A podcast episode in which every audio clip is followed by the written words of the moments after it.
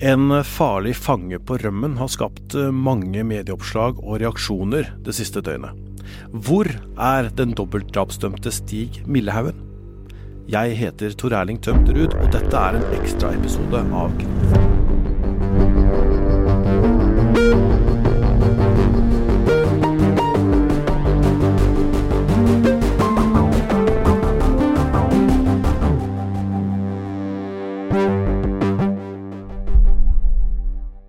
Nesten hele sitt voksne liv har Stig Millehaugen sittet i fengsel.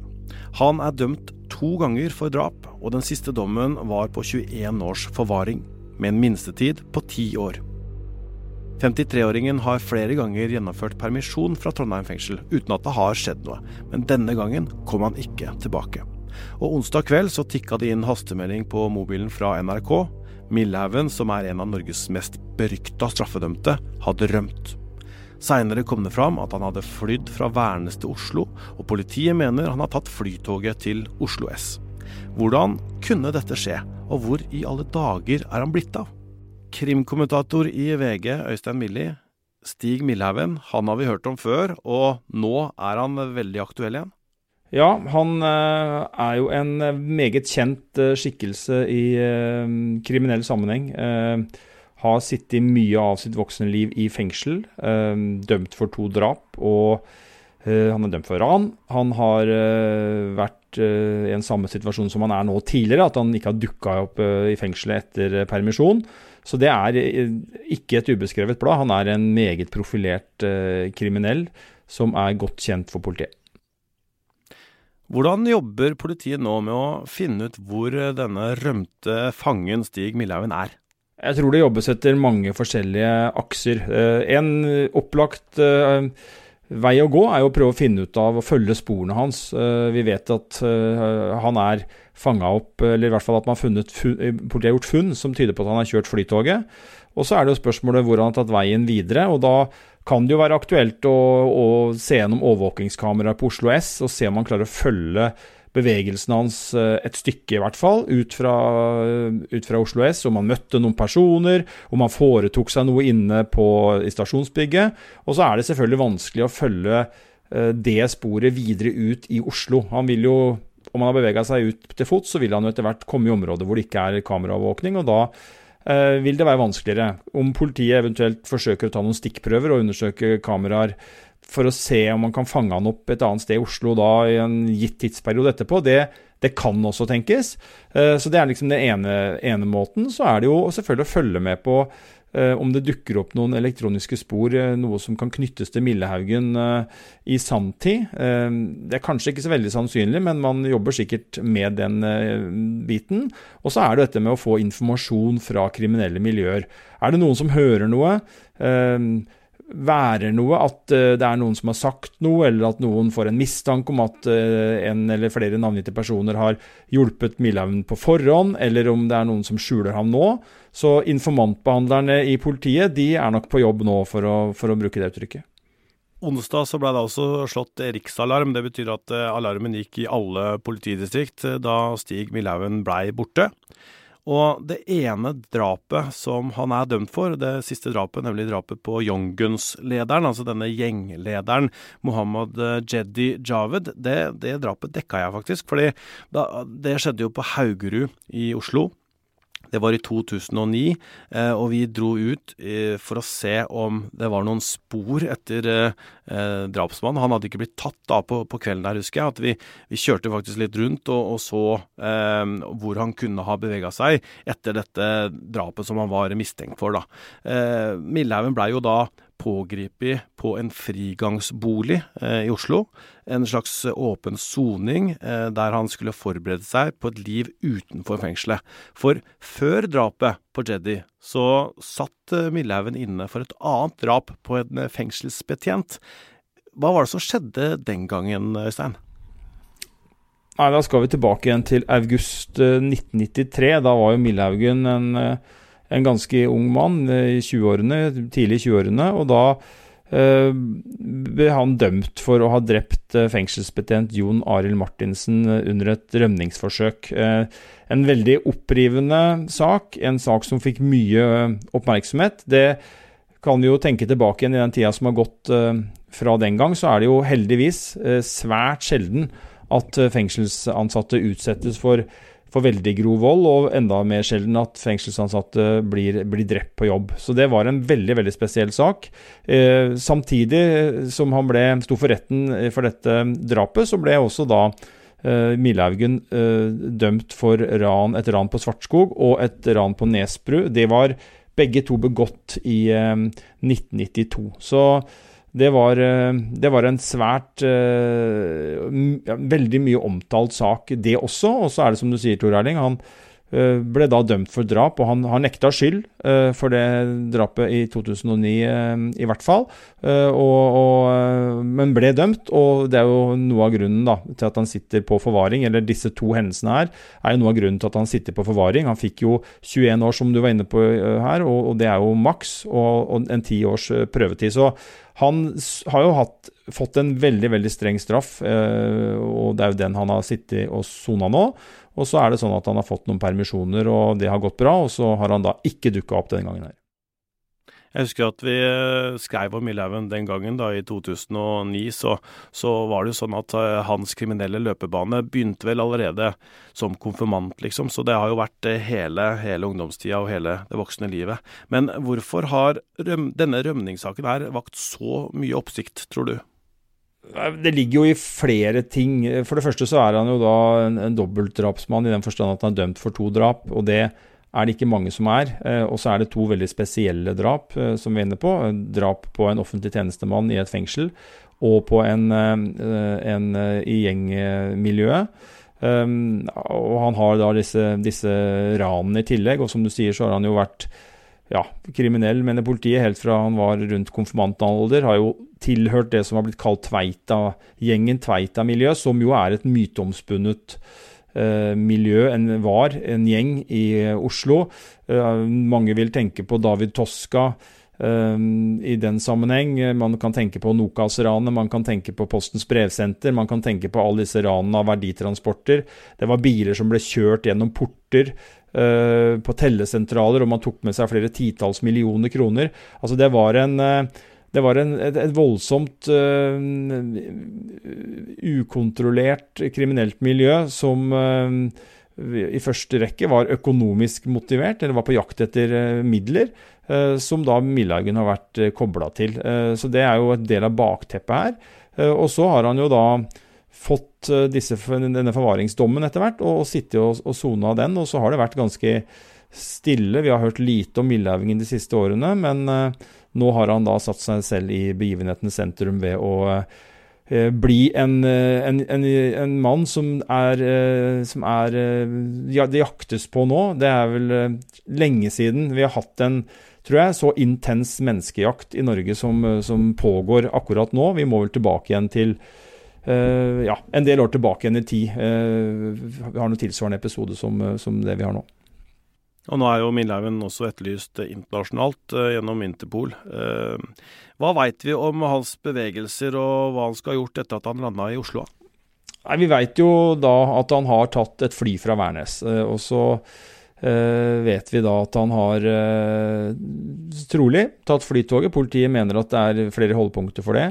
Så er det også frigitt noen overvåkingsbilder som jo viser ham vel før han per definisjon hadde rømt. Det var vel tatt mens han innenfor denne permisjonstida.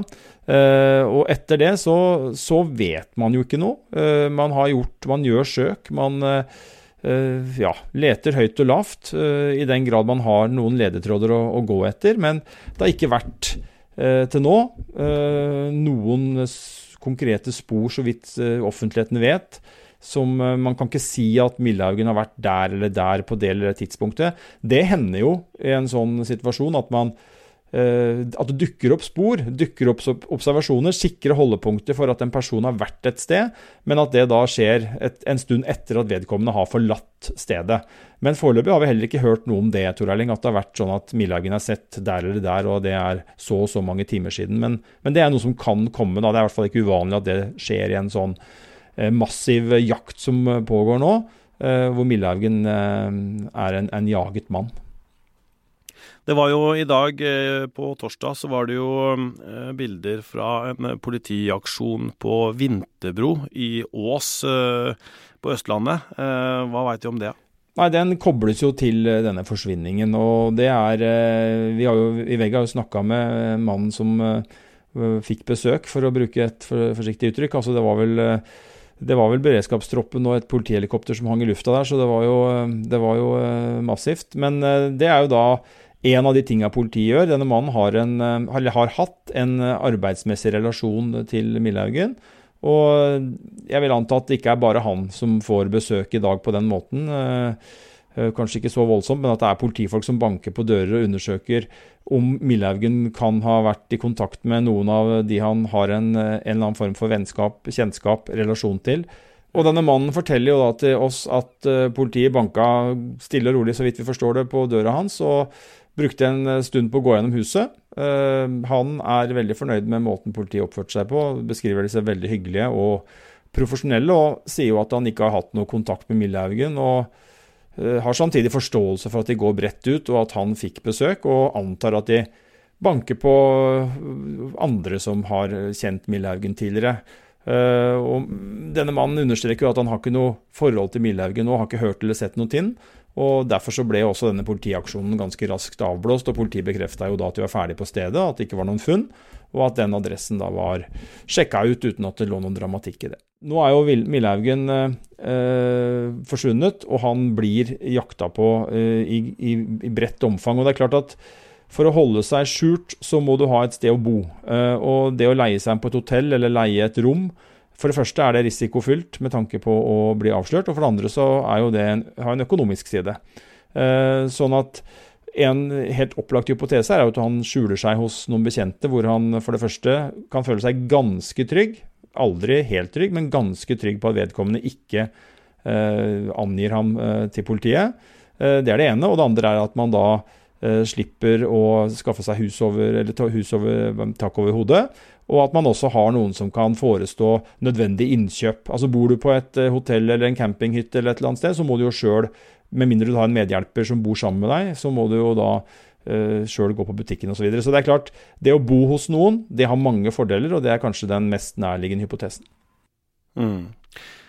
Når eh, Stig Millhaugen da dukker opp uh, igjen, uh, så ser jo vi på de sakene vi har skrevet før. Uh, vi ser i arkivet, og det er jo sånn at han har rømt flere ganger. Ifølge dommen da fra 2002, vel, så, så har han rømt tre ganger tidligere. og mange er jo da overraska over at en mann som er dømt til forvaring, eh, får lov til å være på permisjon uten følge. Hvorfor eh, får han sånn permisjon? Da tror jeg vi må begynne med det grunnleggende i kriminalomsorgen i Norge. Og det er jo at uh, hele ideen er at du skal uh, selvfølgelig få en straff, men du skal ha en straff og en progresjon og et innhold i soninga som gjør at du kan vende tilbake igjen til samfunnet. Altså I en ideell verden så skal alle som forlater fengselet, være rehabilitert og gå ut i samfunnet og ikke gjøre noe kriminelt igjen. Eh, det er den humane tankegangen eh, vi lener oss på i Norge. og Det eh, er jo noen det går veldig bra med, og så er det noen det ikke går bra med. Vi vet jo at det er såkalte gjengangere. For å kunne få til noe sånt, så nytter det ikke å la folk sitte i forvaring i x antall år, og så plutselig en dag låse opp døra og si at nå skal du gå ut den porten der borte, og så begynner du det lovlydige livet ditt, mener det mener i hvert fall kriminalomsorgen at sånn kan det ikke. Det er ikke noen god, farbar vei. Og Derfor så må man tilbakeføre folk øh, og, til samfunnet så sant det er mulig. Og så er det jo noen, som vi vet, blir sittende i livet, øh, fengsel livet ut av ulike grunner. Men prinsippet er jo at du skal kunne ledes tilbake igjen til samfunnet. og da må du jo få muligheten til det. Og det er flere ting som skjer da. altså Soninga di skal ha en progresjon. Det vil jo si at bl.a. du kan komme til å komme i fengselet med lavere sikkerhetsnivå. Eh, du kan kanskje begynne å sone en straff på Ullersmo, og så kan du komme over i overgangsbolig. Vi nevnte frigangsbolig, eh, som han ble tatt på en gang før. Det var jo da sikkert en ledd i en sånn eh, tilbakeføring til samfunnet, hvor han hadde kommet til et fengsel, eller et, et, det er vel ikke fengsel engang, men det er et sted hvor du må oppholde deg, og hvor det er noen regler rundt det. Men det er, det er jo ikke et fengsel i den forstand. Og så er dette med permisjoner, at du må kunne komme ut og smake på det vanlige livet, da. Uh, venne deg til det, så ikke du glemmer helt hvordan det er, og kommer ut uh, på å si, redd og usikker og er en fare på den måten. Så det er jo, det er jo, det, det er jo bakteppet her. Og så vil det jo selvfølgelig alltid, alltid være en vurdering om du er skikka til å få en bedre soningsforhold, om du er skikka til å få permisjon. Um, så skal det jo sies her at han har hatt flere permisjoner etter det som blir sagt, og at det har gått veldig bra. Så det er jo en sånn det er jo en avveining, og så er det jo alltid noen som mener at uh, den type Vi er, jo ofte borti de problemstillingene, Tor Erling. Vi, jo, vi har jo vært borti det senest nå i forhold til Kongsberg-saken. ikke sant? Var det riktig å la han få den ene eller andre eh, behandlinga sånn eller slik? Og, og, sånn er det i mange av disse situasjonene. Da, at det er skjønn og eh, en sånn tanke om at folk skal tilbake igjen i samfunnet som gjør at du må Kall det gjerne ta noen sjanser, og så kan man alltid diskutere om det var riktig eller ikke. Samtidig så har jo da eh, fengselet eh, vurdert ham til å være eh, skikka til å ha permisjon for seg sjøl. Men nå så ber jo politiet eh, publikum om å melde fra til dem hvis de ser Millhaugen, og ikke gjøre noe sjøl. Altså hvor farlig er han egentlig? Jeg tror ikke han er farlig sånn i utgangspunktet, eh, og, det mener jeg jo vi allerede har sett. Altså Hvis han var farlig i den forstand at han bare gikk løs på den første og den beste, så hadde jo allerede det skjedd.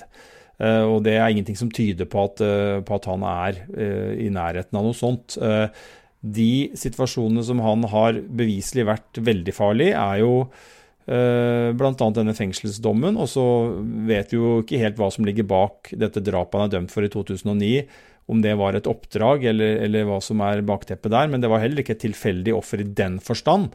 Men det er klart det politiet frykter, er jo at hvis Millehaugen nå har et sterkt ønske om å holde seg eh, unna fengsel og være på frifot, så vil det jo være eh, Hvis han blir gjenkjent et sted, og noen begynner å ta bilder, nærme seg ham for å følge etter ham på gata, nærmer han, prøver å ta han fysisk, så vil han jo potensielt kunne være farlig. og Det begrunner nok politiet i den historikken han har. og Det er vel det som ligger i at man da skal ikke gjøre noen sånne potensielt for eh, Millhaugen, i hvert fall sett fra hans ståsted, provoserende ting som gjør at det kan oppstå farlige situasjoner. Men at man da skal eh, ganske stille og rolig notere seg hvor han er og hvor han går, uten å eh, på en måte gjøre noen sånne voldsomme øh, anstrengelser eller utfall mot ham, men melde fra til politiet, som da skal forsøke å gripe inn og, og pågripe ham. Hva tror du skjer med Millhaugen nå, Øystein? Er han på vei ut i verden, eller hva skjer? Det er vanskelig å si, syns jeg. Men eh, jeg, jeg, tenker jo at det å reise ut i Sverige og Danmark eh, f.eks. har jo en oppside. Det er at der pågår ikke jakten på samme måte, og der er heller ikke ansiktet hans like kjent som det er nå. Nå er han på alle landets forsider. Eh, og hele Norge, sånn litt på å si overordna sagt, kikker sikkert etter Millehaugen rundt omkring nå. Så det vil være lettere på den måten. Samtidig så tror jeg at hvis han skal klarer å holde seg unna fengselet og politiet eh, i en lang periode, så er han avhengig av hjelp eh, og et apparat rundt seg. Og eh, han er en Oslo-basert mann, oppvokst i Oslo. og Sånn sett så er det nok vanskeligere å se for seg at han har et godt nok apparat rundt seg til å kunne holde seg på frifot i Sverige eller Danmark. Da vil eh, risikoen for at han må foreta seg ting sjøl, at han kan bli spora på den måten, være større enn når man kan ligge lavt i Oslo-området og ha folk som gjør de tinga vi snakka om før, altså innkjøp, eh, gir ham en seng, eh, og det gjør at han da ikke kan, ikke kan bli spora opp. Og så er det spørsmålet hva han ønsker, da. Eh, er dette en tanke om å på en måte få seg noen dager fri, og så har han egentlig tenkt å dra tilbake og melde seg? Det kan jo være.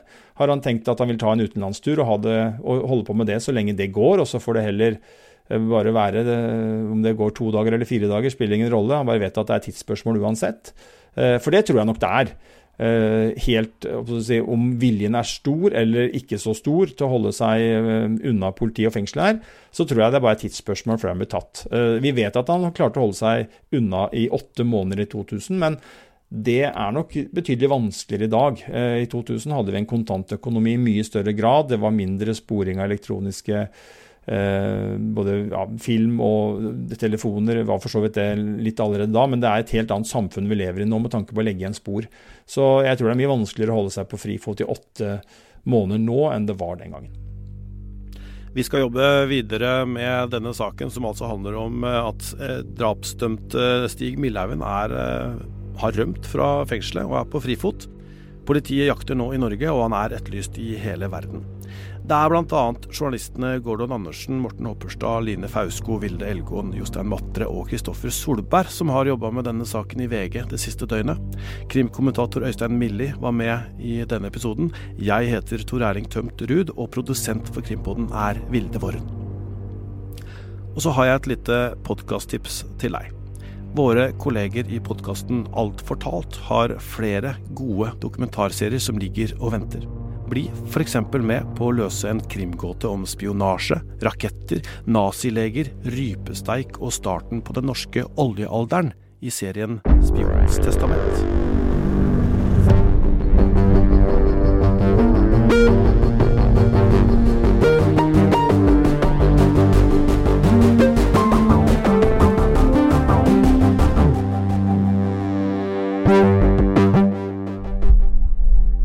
Du har hørt en podkast fra VG. Ansvarlig redaktør, Gard Steiro.